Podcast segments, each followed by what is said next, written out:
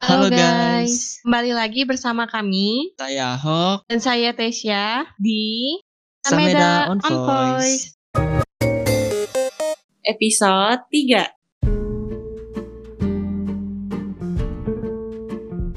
Ah, halo Tesya, apa kabarnya nih? Halo Ahok, baik nih. Ahok gimana? Ya, waduh, sama nih. Akhirnya kita sudah mulai kuliah ya. Ini minggu pertama perkuliahan akhirnya berjalan lagi. Bener banget ngejalanin minggu ini. Gimana Ahok minggu pertamanya? Waduh, kalau aku luar biasa sih. Untungnya minggu pertama masih belum banyak tugasnya, baru satu tugas. Kelasnya juga ada beberapa yang kosong. Waduh, kebalikan. Kalau waduh, kalau Tesya full ya kelasnya ya. Ya, setiap pertemuan sama dosen pasti ada tugas aja. Oh alah. Nah, Tes tahu nggak sih, Tes hari ini di podcast ini kita ada kedatangan tamu yang spesial. Oh, siapa tuh Ahok? Waduh, jadi tamu kita hari ini adalah wisuda nih. Wisuda baru lulus dari ITS juga. Jadi uh, uh, tamu kita hari ini merupakan lulusan Teknik Elektro ITS. Nah, mau tahu kan siapa orangnya? Mau dong. Nah, sudah tidak sabar ya. Sudah kalau kalau gitu langsung saja saya panggilkan. Halo Kohari. Halo semuanya, nama budaya. Iya, nama budaya. Uh, Kohari mungkin bisa perkenalan dulu kok. Oke, eh, halo semuanya yang dengerin podcastnya ini. Eh, kenalin, namaku Hari Putra Utama. Aku dari Teknik Elektro Angkatan 2016. Wih, keren banget nih Kohari. Eh, pertama-tama kita mau ngucapin selamat ya kok karena udah berhasil ngerjain TA, udah eh wisuda juga, udah yudisium juga, terus sekarang udah mau wisuda kan kok. Iya, ini wisudanya belum ini. Makasih. Kapan nih kok? Oh, kalau iya, kalau boleh tahu kapan nih kok wisudanya nih? Kalau aku kan eh, untuk anak yang teknik elektro itu tanggal 24. Cuman kalau nggak salah sih dari tes itu mulai tanggal 18. Cuman beda-beda fakultasnya gitu. Oh, berarti tetap dibagi-bagi seperti wisuda seperti tahun-tahun sebelumnya ya, kok ya? Iya, jadi kalau yang tahun ini malah satu satu hari itu cuma dua fakultas gitu. Kalau misalnya dulu tuh kan kayak bisa 4 5 fakultas gitu kan. Ini mungkin gara-gara online jadi cuma dua gitu satu hari. Walah. Ah, ya sekali lagi ya kita ucapkan kepada Kohari karena sudah mau wisuda nih. Meskipun wisudanya online tetap semangat ya kok ya. Aduh ya. ya gitu deh. Ngomong-ngomong masalah wisuda nih kok. Ah, kalau Koko dulu berarti sebelum wisuda kan pasti menjalankan TA nih. Kalau Koko dulu TA-nya gimana sih? Apalagi kan Koko TA-nya online ya kok ya. Oh iya sih. Eh ya aku TA-nya kemarin ngerjainnya itu di kampungku ya. Aku kan dari Balikpapan. Jadi aku ngerjain di Balikpapan ini. Tapi untungnya sih aku ngambil TA-nya itu nggak yang bikin alat ya. Kan teman-temanku yang teknik elektro lain itu ada banyak yang dia ngerjain alat, harus ke lab atau gimana. Kalau modal komputer sih aku ngerjain program gitu. Jadi untungnya sih aku bisa banyak di rumah gitu jadinya. Oh, berarti untuk TA ini sendiri Koko memang sengaja supaya nggak ribet, Koko bikinnya program ya kok ya. Eh, nggak terencana juga sih aku kebetulan dari dosenku kan ngeliatnya aku tuh lebih cocok ngerjain program gitu jadi ya udah aku dapetnya program sih Oh, seperti itu. Kalau boleh tahu, Koko kan jurusan e- elektronik kok. Eh, Koko ambil penjurusannya atau peminatannya apa kok? kalau aku ngambilnya eh, power system jadi aku ke lebih ke arus kuat gitu sih eh, penjurusanku Power. Terus kalian tahu nih kok, eh, aku mau nanya suka duka dalam ngerjain TA-nya gimana nih? Em, gimana ya? Mungkin eh, jawabanku ini nggak ngewakilin semuanya. Kan orang itu beda-beda ya hambatannya kalau ngerjain TA kalau ngerjain TA aku itu sih eh, syukurnya itu aku itu lumayan lancar ya. Maksudnya karena aku cuma ngerjain program baru yang aku ngerjain tuh simulasi cuman ganti metode gitu.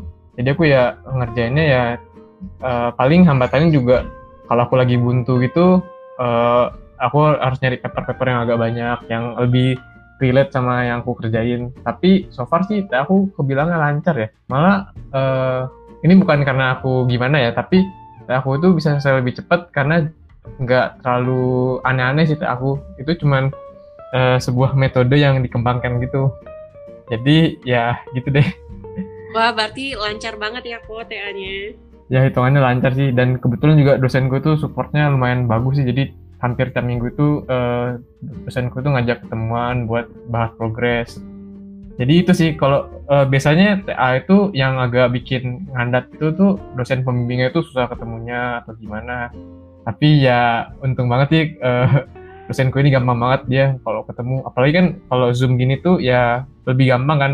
Uh, cuman melalui laptop aja bisa ngobrol gitu, uh, diskusi soal TA. Iya bener banget kok. Terus uh, gimana kok sidangnya? Waduh, ini kok sidangnya ini agak sedikit menantang ya kan sidangku online ya. Tapi uh, moodku tuh juga salah satu apa ya keberuntungan juga sih aku bisa sidang online. Jadi uh, kalau biasanya nih sidang-sidang yang yang aku tahu kan dulu yang offline itu tuh kakak kelasku tuh ada yang sampai sejam lah, ada yang satu setengah jam lah kalau kemarin itu karena online tuh dibatasin satu dua satu kali sidang itu maksimal cuma 20 menit. Jadi 10 menit presentasi, 10 menit tanya jawab. Nah, dan karena mungkin sidang apa dikasih waktunya itu dikit, jadi dosen-dosen tuh pertanyaannya ya ya standar gitulah, nggak yang gimana-gimana banget. Malahan karena uh, ini kan pakai Zoom meeting ya, baru kan ada kayak potensi uh, sinyalnya hilang atau gimana dosenku ada tuh dia mau nanya kan berkali-kali tapi sinyal di laptopnya itu malah jelek gitu jadinya dia nggak jadi nanya deh ya kok kayak gitu ya terus kalau menurut Koko uh, enakan offline atau online kalau sidang wah online sih kalau bisa aku bilang kalau karena batasan-batasan gini jauh lebih enak online sih uh, kok aku mau tanya nih kan Koko sidang online setahu Koko bedanya sidang online sama offline itu selain dari dilaksanakannya secara offline dan online itu apa sih kok? Hmm, apa ya? Aku belum pernah sih sidang yang betul-betul offline gitu ya. Mungkin kalau aku tuh sidang offline tuh cuman pas seminar propos seminar proposal gitu ya. Kalau seminar kalau offline tuh dosen-dosen tuh kayak lebih direct gitu loh nanya ke kita. Maksudnya mereka bisa nanya apa aja langsung. Baru kan kalau misalnya offline tuh uh, kita kan tatapan muka kan sama dosen kan. Nah, biasanya tuh cenderung kayak rasanya lebih grogi gimana gitu. Jadinya kalau misalnya sidang offline tuh kalau menurutku sih ya itu mentalnya lebih diuji. Tapi kalau online itu ya ya santai gitulah. Dosen-dosen kan juga pada ngerti kan kita hambatan uh, pas ngerjain TA ini jadi ya lebih santai sih kalau online. Oh begitu ya. Terus kok kalau masalah jaringan gitu, itu kan yang kejadian Koko itu yang jaringannya kurang memadai itu di dosen. Bagaimana kalau misalnya yang kurang memadai itu di di mahasiswanya kok? Apakah mungkin diundur atau diperpanjang atau gimana kok sidangnya? Kalau masalah itu sih aku kurang tahu ya. Soalnya waktu uh, pas aku sidang itu uh, syukur banget aku sama teman-temanku itu nggak ada yang kendalanya dari ya kita. Rata-rata sih lancar sih soalnya uh, namanya juga sidang ini kan teman-teman pada persiapan banget lah masalah sinyal atau gimana. Tapi setauku sih kalau misalnya ada gangguan gitu sih nanti uh, bakalan mungkin di itu sih dijadwalkan ulang atau mungkin nanti uh, ya ada batas waktunya gitulah supaya nanti uh, kira-kira ini bisa nggak ditunggu berapa menit ini udah lancar atau gimana. Tapi ya so far sih waktu kemarin itu ada lancar-lancar sih, jadi nggak ada masalah. Yang masalah ya malah dari dosennya itu. Duh, keren banget ya. Jadi pengen cepat-cepat TA ya tes ya, biar online juga. Waduh, janganlah. Kurang berkesan lah kalau online online itu sebenarnya. Tapi emang lebih mudah. Tapi pasti kalau offline kan dikunjungin sama teman-teman, asik kan.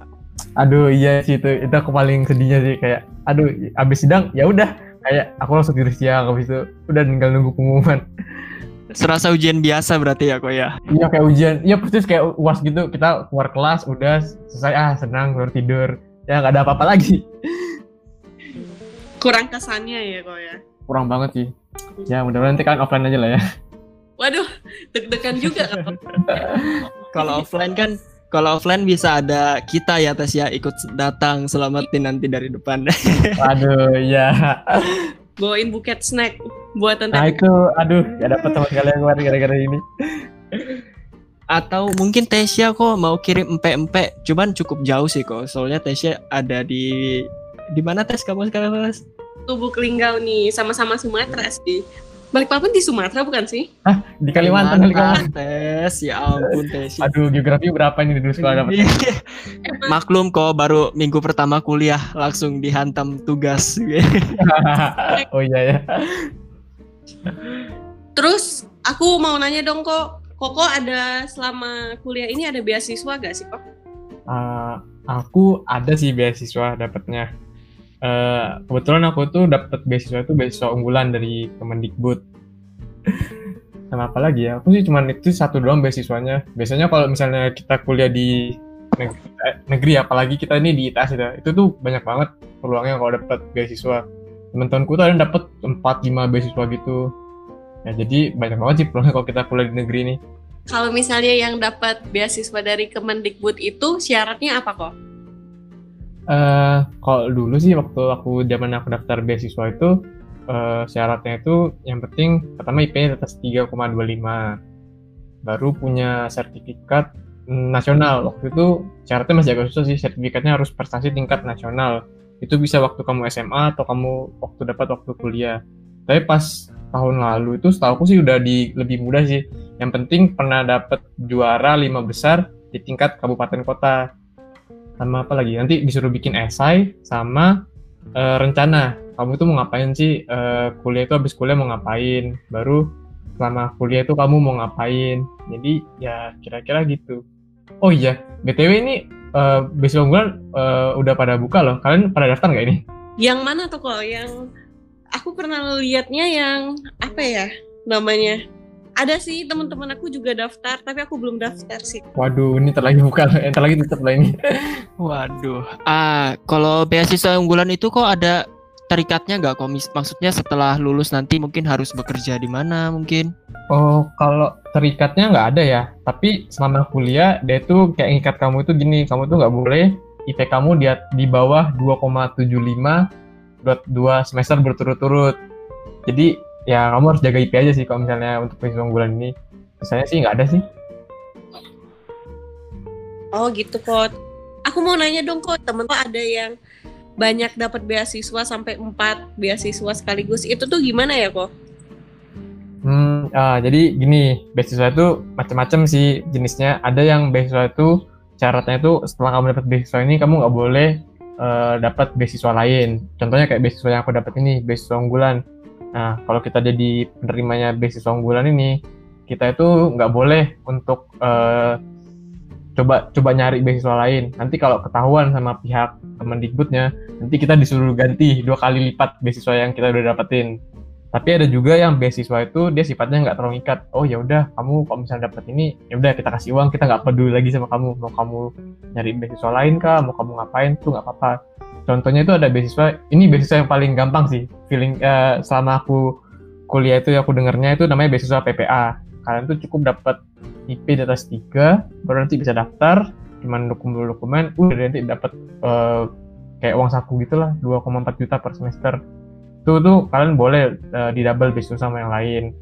Tapi ya itu sih tergantung dari pihak beasiswa sendiri uh, memaksa kalian untuk menerima cuma satu atau enggak sih gitu sih Wih lumayan banget ya kok kalau dapat beasiswa.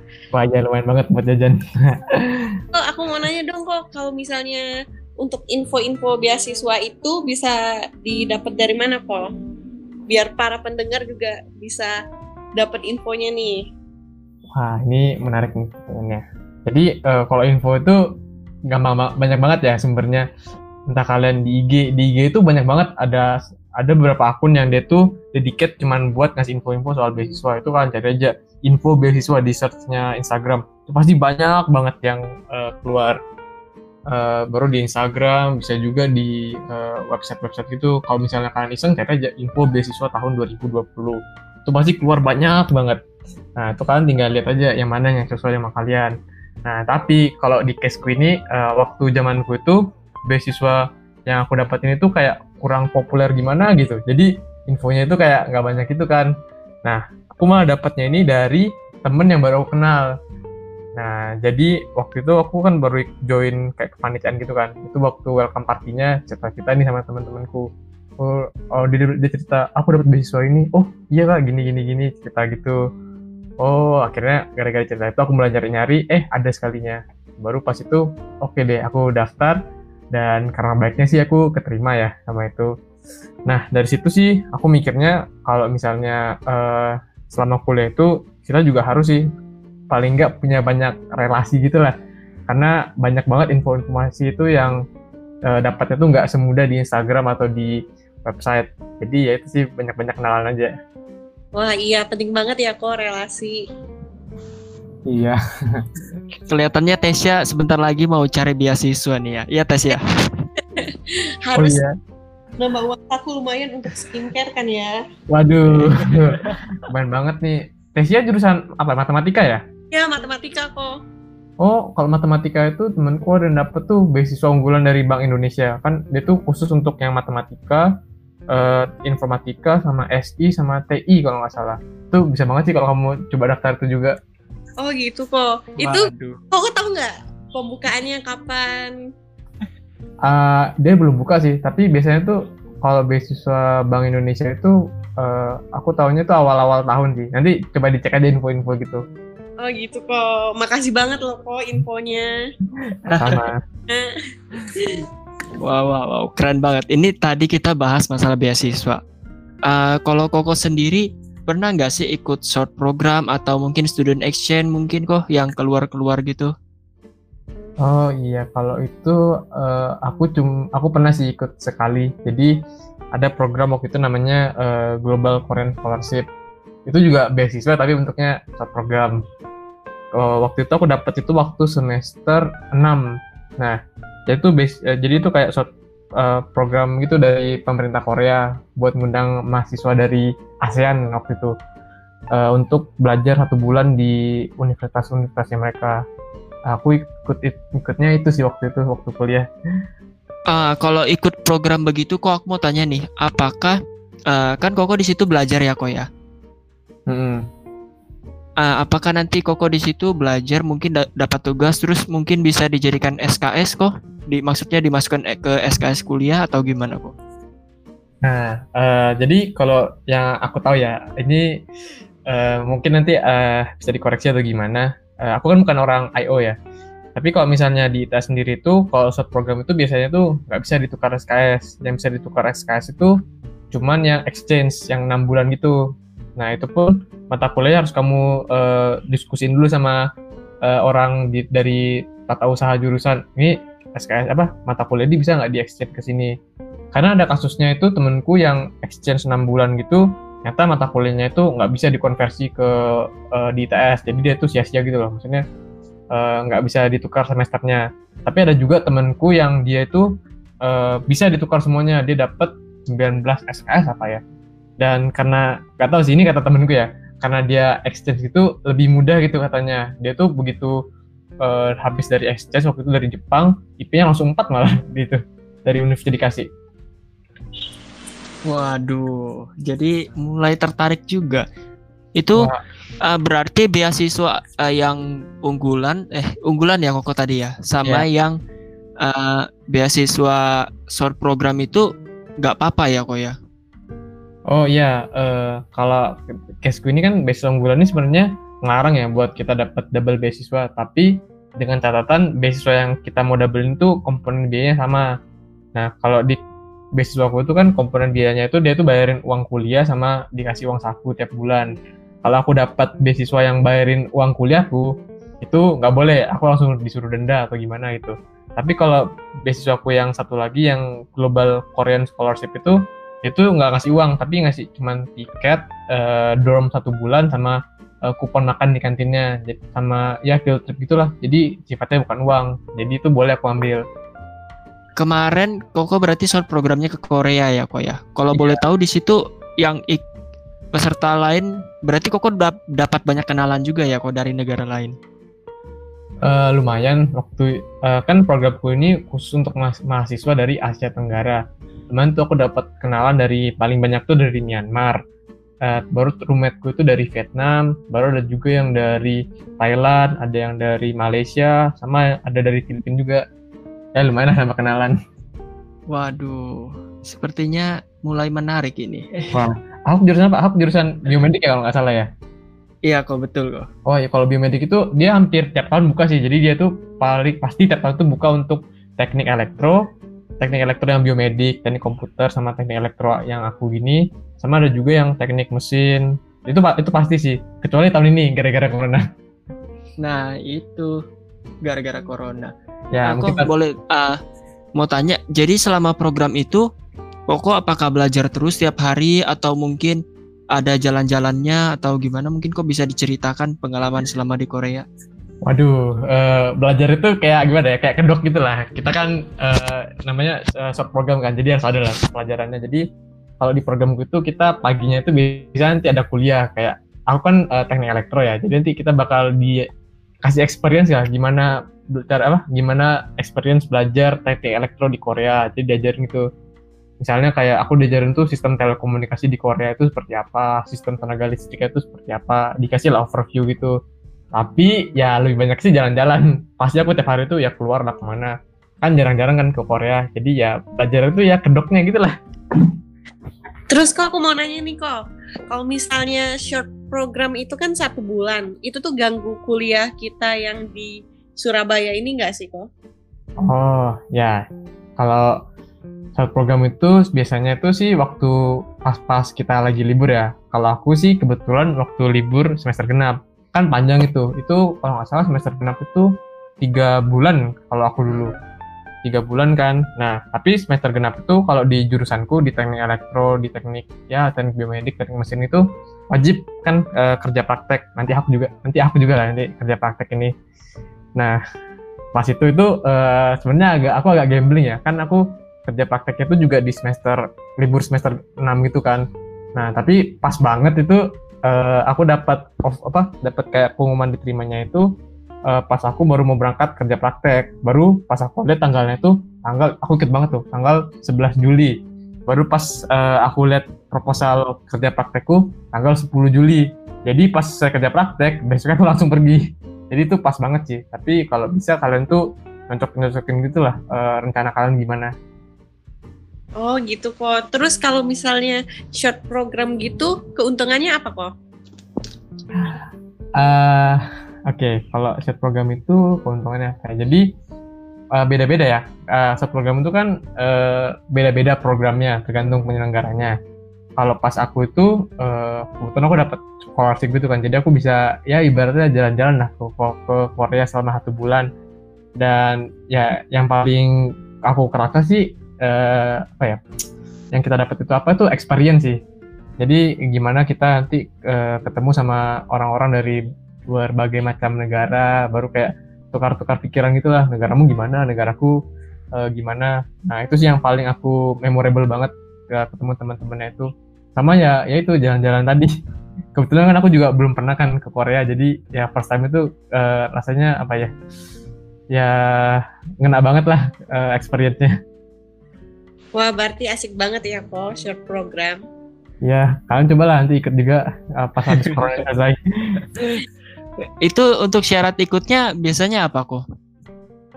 Hmm, kalau dulu aku itu syaratnya itu, ah ini kalau misalnya mahasiswa ITS itu yang paling utama itu uh, TOEFL ITS itu, itu wajib kalian itu harus sudah lolos minimal 477 itu. Ya itu sih syarat paling dasarnya itu. Baru nanti uh, beda-beda requirementnya tiap program. Kalau aku dulu itu aku lupa tapi uh, minimal tuh ada syarat IPK IPK tuh 3,25 apa ya tapi ada juga yang tiga.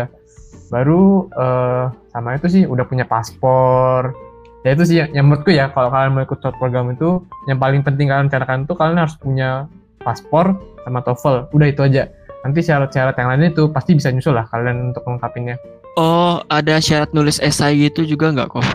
Oh, ya. Uh, kalau aku dulu tuh uh, bikin esai uh, rencana riset. Jadi uh, waktu programku itu aku juga direncanain sih. Kamu di sana tuh nanti mau riset apa sama dosen-dosen di Korea. Baru habis itu setelah uh, apa ya rencana riset, aku juga harus bikin uh, surat rekomendasi. Tapi ini bukan aku yang bikin sih. Aku harus minta ke dosenku yang ibaratnya itu dia tuh punya jabatan lah uh, kalau aku kebetulan waktu itu aku minta sama kepala labku jadi uh, mintalah rekomendasi itu uh, tentang aku supaya aku bisa di apa ya ibaratnya itu punya rekomendasi gitu loh dari orang-orang yang kredibel jadi orang-orang sana tuh juga tahu aku itu sekredibel apa oh gitu oh, terus kalau misalnya short program kayak gini biasanya di semester berapa sih kok? Hmm, ada yang di semester ganjil dan semester genap. Uh, macam-macam sih. Tapi yang paling yang aku lihat sih paling banyak itu di semester genap. Soalnya uh, semester genap itu kan liburnya panjang. Jadi kayak uh, banyak lah yang buka-buka untuk yang semester genap ini. Tapi semester ganjil juga ada sih. Cuman kan agak mepet gitu kan karena liburnya cuma sebulan gitu wah gimana Hok? Kamu berencana nggak ikut short program kayak Kohari? Lumayan sih teh. Sebenarnya aku tertarik antara aku juga sudah nyari-nyari nih mungkin mau ke Jepang atau ke Korea. Kalau ke Korea kan bisa ketemu sama boy band boy band gitu. Ya nggak kok? Aduh ya ini semua orang sana kayak boy band lah. Iya. atau mungkin Tesya. Tesya ini kan pasti suka K-pop K-pop ini iya tapi masih bingung juga mau ikut atau enggak sih tapi kepengen sih kalau ke Korea Wah, kalau bisa ikutlah kan biar nanti waktu kalian interview kerja itu kalian bisa cerita lah, saya pernah pernah ke sini pak, saya pernah begini pak. Itu lumayan banget lah buat kalian apa ya, nambah di CV, baru nambah kayak pas interview kerja nanti. Oh, berarti short program ini bisa dimasukin ke CV ya kok? Oh, bisa banget pasti. Wih, boleh banget sih ini. Besok kita mulai cari ya tes ya. Wah, buat yang tahun depan ya. Tahun ini kan udah pada tutup semua nih. Iya corona nih. iya nih. Di rumah aja.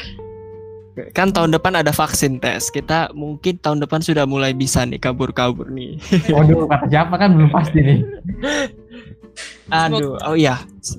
Aku mau tanya lagi. Ini kan Koko uh, pasti ada pengalaman selama empat tahun kuliah di ITS uh, kalau Koko kan akademiknya ya sudah jelas belajar di jurusan. Kalau soft skillnya Koko beli, biasanya belajar di mana sih kok? Soft skill yang Koko dapat selama di tes apa aja sih kalau boleh tahu kok? Soft skill ya, ah, menarik nih pertanyaan ini.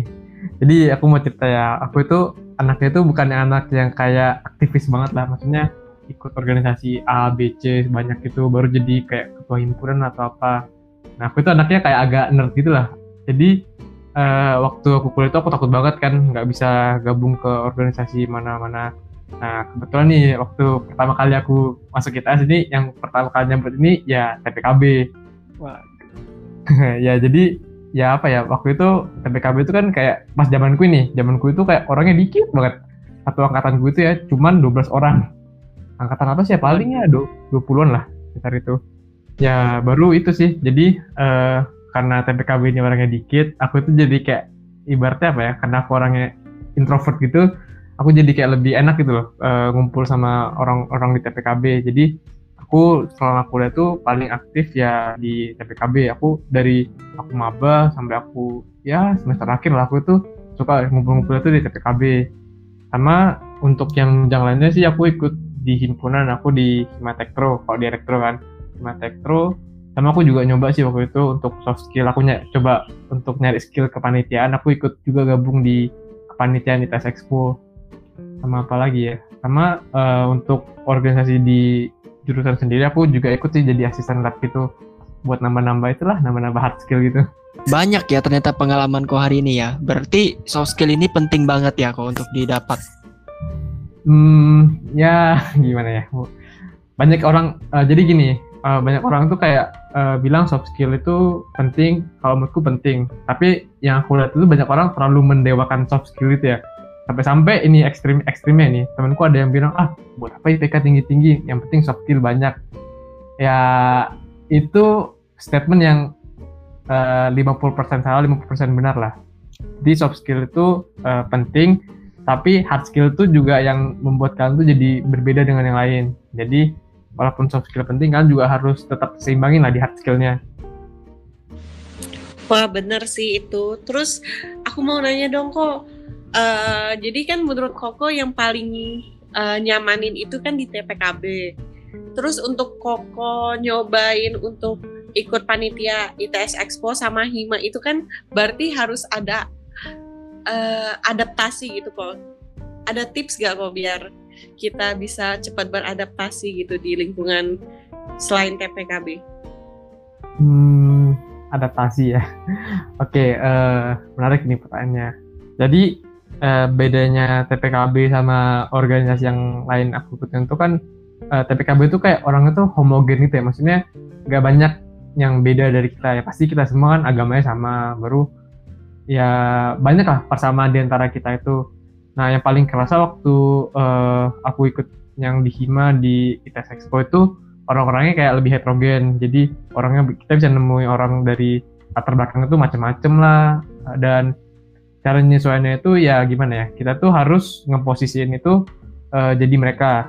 Uh, ini sih yang aku lihat. Jadi misalnya uh, teman kita tuh gimana? Kita harus mikir kalau misalnya dia itu uh, kita jadi dia itu kita tuh mau diperlakukan gimana sih? Nah itu aku berusaha sih kayak uh, untuk kalau aku berorganisasi baru ketemu teman-teman tuh aku mikirnya gitu.